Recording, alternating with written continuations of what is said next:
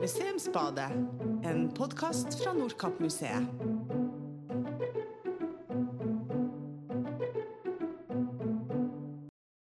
Ja, velkommen hit til eh, det nye eh, museumsbadet her på Nordkapp-museet. Og eh, et museumsbad det er rett og slett en prat. Jeg har invitert hit til bordet interessante folk. Vi skal snakke litt om hva som skjer her på Nordkapp-museet. Og akkurat nå i disse dager, under en strålende eh, junisol, blå himmel, har vi den glede av å bli med i det nasjonale losjubileet, LOS-jubileet. LOS 300. Og eh, med meg her så har jeg jo invitert han Eilert Moe, vår pensjonerte los fra et liv, langt liv på Finnmarkskysten. Og eh, han Espen Frøysland, som er leder for Kystverkmuseet. Og da tenkte jeg bare å kaste ballen til deg, Espen, med en gang. Hva er LOS 300? Ja, du kan si eh, lostjenesten i Norge den er jo gammel. Men eh, i 1720 så ble, ble staten engasjert, og da fikk man eh, den lostjenesten som man, som man kjenner i dag. Eller i hvert fall starten på den. Og eh, vi syntes det var viktig å kunne sette fokus på både en viktig tjeneste, men også en del av et viktig eh, ja, noe av det viktigste vi har, nemlig handel og, og transport langs kysten. Vi må huske på at hvis vi ikke har eh, olje, og den også egentlig, så er det jo veldig, veldig viktig å ha en trygg kyst for eh, transport av alt av varer. Det er vel sånn at 90% hvis du ser på vekt, av eksporten i Norge, den går på kjøl. Og da er eh, losen eh, nå og tidligere veldig, veldig viktig for at dette skal gå trygt. Mm. Ja, hvor, og nå er vi jo i gang, og vi her på Finnmarkskysten vi får jo gleden av å være de som første som får uh, feire, være med i denne nasjonale markeringa. Ja da, vi begynte i, i Vardø, og vi har med oss museumsskipet vårt, Gamle Oksøy. Det er jo ikke noe losbåt, men det er et uh, skip som frakta parafin for uh, fyrvesenet i sin tid. Og uh, vi har en liten utstilling om bord som er en light-versjon av den flotte utstillinga dere har fått lagd her på museet.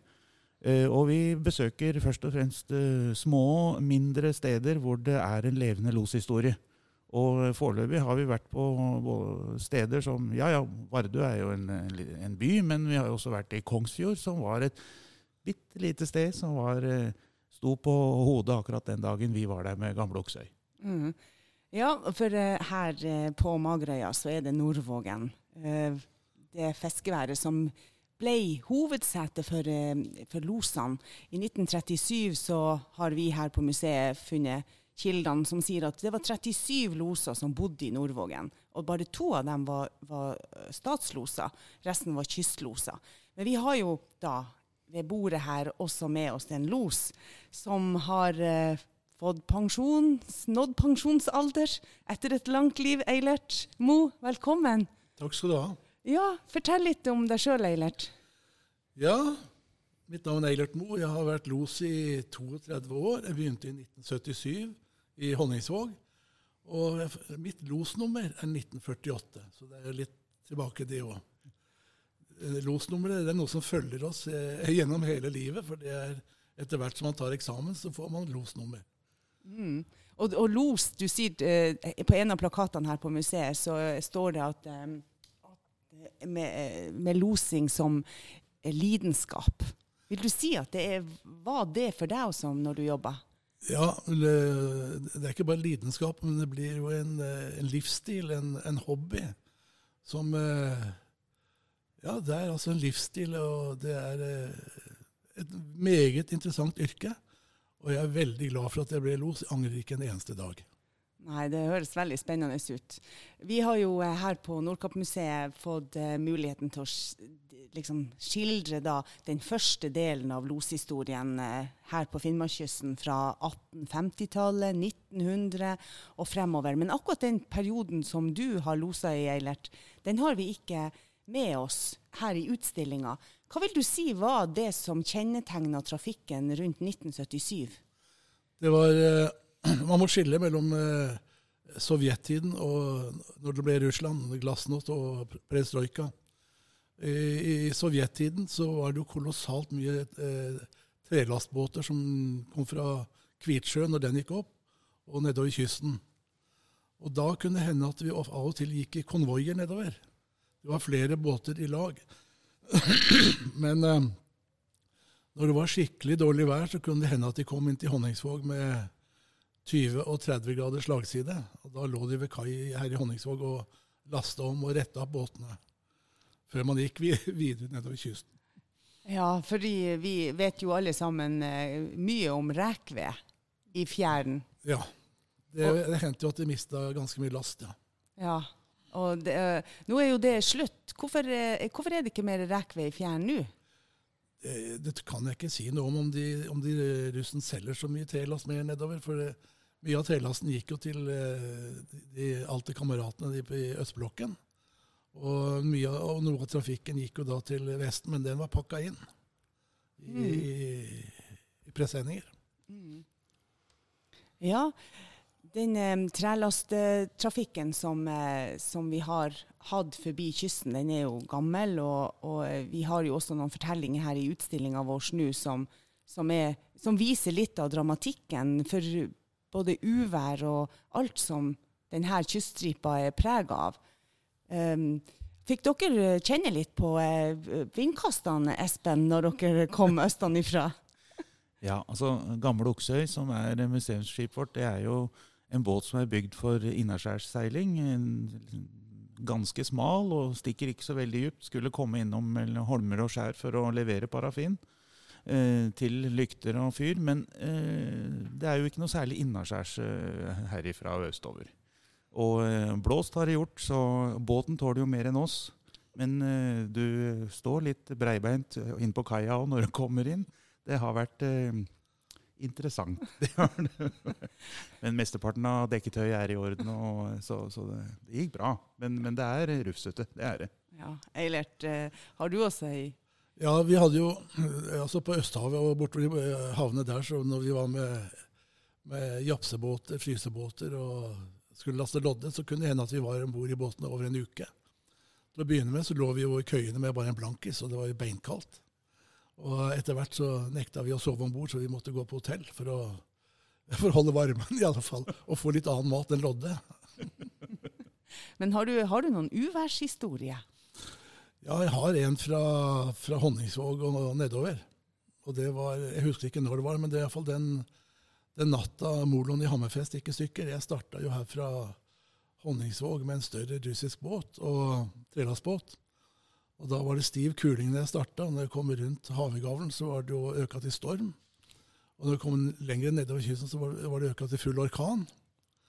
Og jeg skulle plukke opp en los ved Hammerfest, en som heter Jan Rabos. og han ja, Normalt så ville jeg bruke seks-syv timer nedover, men nå brukte jeg iallfall over 13 timer å stå på broa der og slingre. og vi kom ned, og Jan Rabås var jo mer under vann enn over vann med den der Vestvern. Og jeg prøvde å gå i le, le rundt Håja, men han klarte å komme om bord. Og jeg gikk ned og la meg i køya, og han starta bortover Sørøysundet. Og jeg våkna med et brak hvor en stol holdt på å komme opp i køya mi, så jeg lurte på hva som foregikk. Så jeg for opp på, opp på broa. Da lå Jan Rabås i en krok på på, på broa og holdt seg på. Han hadde bristende ribbein. Han hadde snudd, tørna båten på, på, på Sørøysundet, og det gikk ikke så bra. Så, så jeg tok båten tilbake og gikk rundt eh, Håjarp. Det var flere båter som begynte å følge etter meg. da. Vi fant ut at når ikke vi kom over eh, Loppa bortover der, så var det best å gå tilbake igjen. Så det var litt av en natt. Det var, det var faktisk halt eh, Da gikk ikke Hurtigrutene på tre dager heller. Alt var stengt ned. Er ikke fly eller noen ting. Men vi klarte å krabbe oss ned til Lødingen til slutt, da. Ja, det var eh, selvfølgelig vær og vind. Det har jo eh, prega kysten i alle tider. Og eh, alt vi har foretatt oss her, har jo måttet tatt hensyn til at, at, været kan både snu brått og brutalt. For jeg tenker, når eh, Kystverkmuseet har ansvar for etaten Kystverket. Hvordan er det vær og vind spiller inn egentlig en, på en sånn etatshistorie? Ja, du vet at eh, Kystverket i dag det er jo slått sammen av både fyrvesen og Statens havnevesen og ikke minst losvesen og ring- og merkevesenet. Disse gamle vesenene som havna sammen i, i, etaten. Og etaten har jo et overordna mål om, om, sikring av kysten og, og sikring av seilingsleden. Og, og, det er jo hele tida en kamp mot, mot været. Og, og, det er jo noe med at det er jo hyggelig å seile en tur i juni og juli, men mesteparten av året så kan det være ganske røft. Og det gjelder jo altså, Nå har vi jo seilt Østhavet og ikke noe holmer og skjær å legge bak, men, men hele kysten vår, uansett hvor du prater med folk, helt fra Halden og Østfold og helt opp til Vardø og Kirkenes, det er, det er områder som, ja, som Det er en alltid kamp for å, for å komme seg fram. og for for losene for å overleve. Det er jo eh, altså Det er noen dramatiske historier en hører om eh, med små båter, eh, og du skal ut med dem når du egentlig burde holde deg på land. Det er jo nettopp det. altså Du har jo mest bruk for losen når du absolutt ikke bør være på sjøen med småbåt i det hele tatt. Uh, og vi, vi har, NRK har lagd en liten filmsnutt med bording med en åpen båt. Og dette er jo ikke, altså det er jo et, et, et forsøk på å gjenskape hvordan det var. Eh, og jeg er helt sikker på at eh, de må ha eh, fått dødsangst, de som var i den lille lettbåten når de skulle inn til seilskuta i TV-opptaket. For du ser hele båten fylles med vann i ett eneste slag. Så, og det var en ganske fin dag. Så hvis du tenker at det er mørkt og, og februar og iskaldt i tillegg, så, så har det vært en tøff jobb og, og en viktig jobb hele veien. Mm. Det var veldig hyggelig at nå kom det en til gjest til bordet her. Losollemann i Troms og Finnmark, Roy Arne Rotnes. Velkommen takk, takk. hit til Museumsbadet på eh, Nordkappmuseet. For eh, i anledning at vi har fått opp ei ny utstilling om los på 71 grader nord.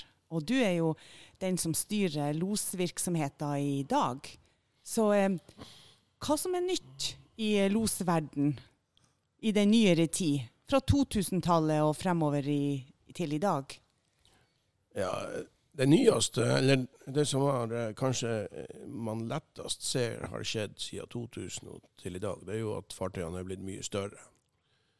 Særlig på cruisebåtsida. Uh, det som var en stor cruisebåt for uh, 20 år siden, gjerne en av de gamle Royal Viking-båtene på rundt 25 000-30 000 tonn, det var 200 meter. Det var, det var en stor båt. Eh, i 99 iallfall, når jeg begynte som los. Eh, I fjor, tror jeg, eller sist vi hadde skikkelig med cruisebåter her, så tror jeg 30 av eh, båtene som kom, de var over 70 000 tonn. Mm. Og de aller største var jo 160 170 000 tonn. Så det, det, er rett og slett en, nesten en tidobling av størrelsen på båtene. Det, det merkes. Ja, da får jeg nesten lyst til å spørre deg, får de plass gjennom Gisundet og, og eh, de smale strekkene? Nei, de, de, får ikke det. De, eh, de, vi sliter jo også med bruer. Så standard seilingshøyde på ei bru på hovedleden er 41 meter. Og på de her båtene så snakker vi gjerne om airdraft på over 60 meter. Og i Bergen også sliter de med å få de største cruisebåtene inn fordi at bruen er for lav. Så mm. Eh, det er ganske voldsomme størrelser. Ja. Men også på eh, olje-gass-sida? Ja, eh, det er jo eh, det som har skjedd kanskje de siste årene med oljeomlasting, eller mer spesifikt gassomlasting, som har foregått i Nordkapp. Det er, det er my, en mye, mye større sak enn det folk flest tror. Det er faktisk en maritim begivenhet som har foregått i all stillhet på mange måter. I utgangspunktet når vi skulle begynne med det, så var det stor medieinteresse for hva som foregikk, men det var kun sensasjonsløst. De ville si at vi mislyktes. Når vi lyktes med den omlastinga her oppe og klarte å gjennomføre det gjennom en eh, såkalt arktisk vinter, uten uhell eller problemer av størrelser, så var det ikke så spennende lenger. Og vi har heller ikke fått, etter min mening, den fortjente omtalen om det som vi burde ha fått.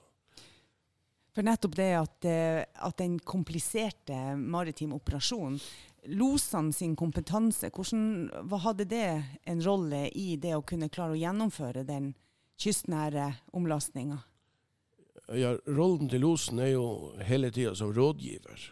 Og, og, i og med at vi hadde lest oss opp og skolert oss også i forkant av det her, så evna losen å være den brikken som sydde sammen alle de her interessene som eh, påvirker en sånn operasjon. Og komme med faglige råd og bistand, eh, sånn at det, det lot seg gjennomføre på en ordentlig måte, en trygg og god måte. Tok hensyn til eh, de kravene myndighetene setter om miljø og sikkerhet. og støtta kapteinen i eh, faglige eh, tilbakemeldinger på ting de lurte på helt spesifikt i en sånn operasjon. Så rollen til losen Man skal jo være forsiktig for å drive på med selvskryt, men jeg velger å skryte av losene. Altså de losene som gjorde den jobben. Det var fabelaktig. Og vi fikk veldig gode tilbakemeldinger fra oljeselskapene, fra Tjudi, som gjorde operasjonen. Og eh, alle aktørene som, eh, som var med i denne operasjonen, skrøt av losene. Så det var, det, det var en, lett oppleve, en lett oppgave å gjøre når det var så god, godt samarbeid. Og, og, jeg vil jo igjen framsnakke losene for enhver pris i denne sammenheng. De gjorde en fabelaktig jobb. Mm. Og, eh, og, jeg syns ikke man kan skryte for lite av det. Nei, men det passer Litt fint. Litt farger, selvfølgelig. Ja, ja, men det får du jo lov å være. Uh, du er jo sjefen deres. Det veldig, passer veldig fint å snakke om det og, og fremheve det, for utstillinga her på Nordkappmuseet viser jo fortida vår, men vi har jo òg vektlagt nåtida, og også tankene om fremtida. Og hva slags utfordringer en los vil ha i fremtida. Men når det gjelder nåtida, så er det jo akkurat det her med den arktiske dimensjonen, den er jo veldig spennende. For Svalbard, det ble jo et nytt område for losene. Kan ikke du si litt om når var det at Svalbard kom med i losdistriktet?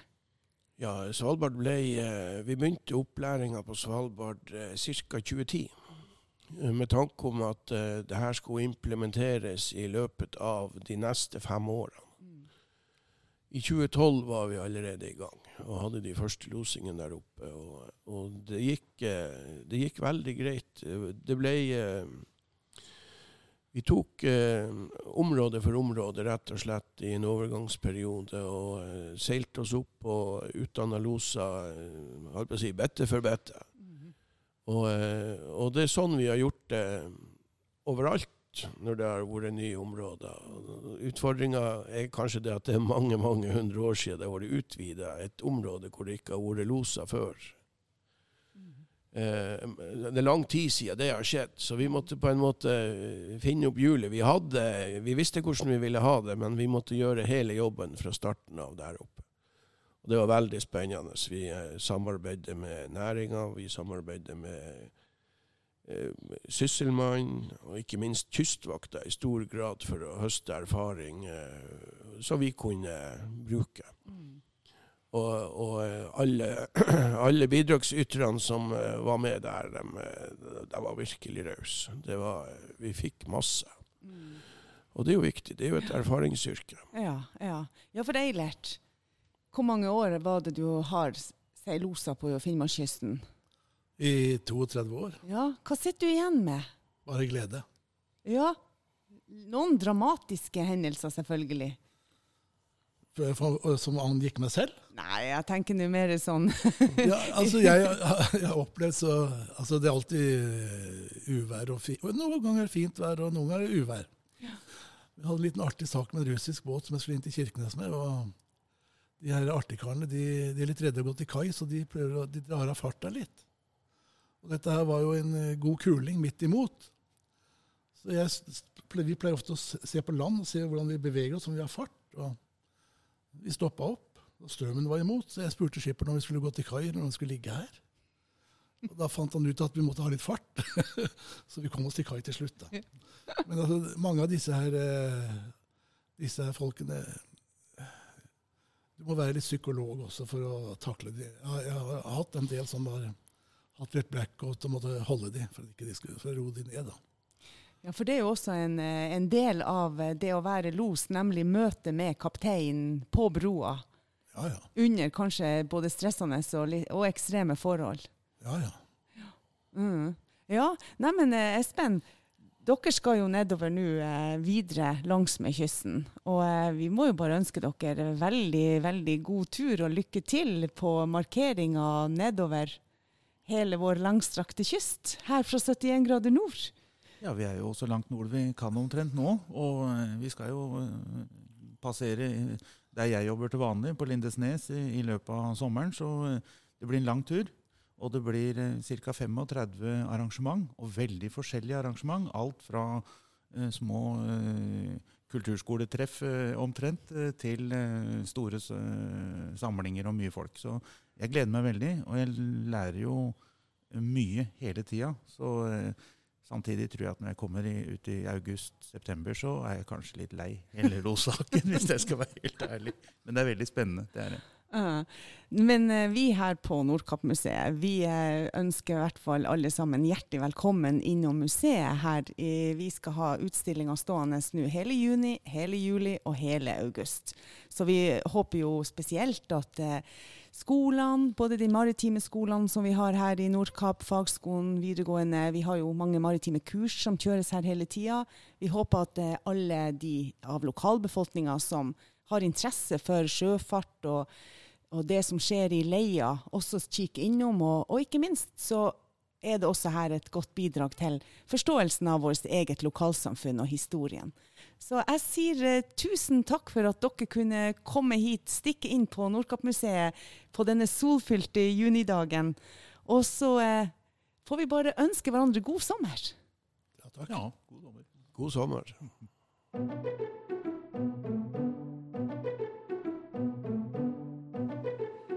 Du hørte nå Museumsbadet, en podkast fra Nordkappmuseet.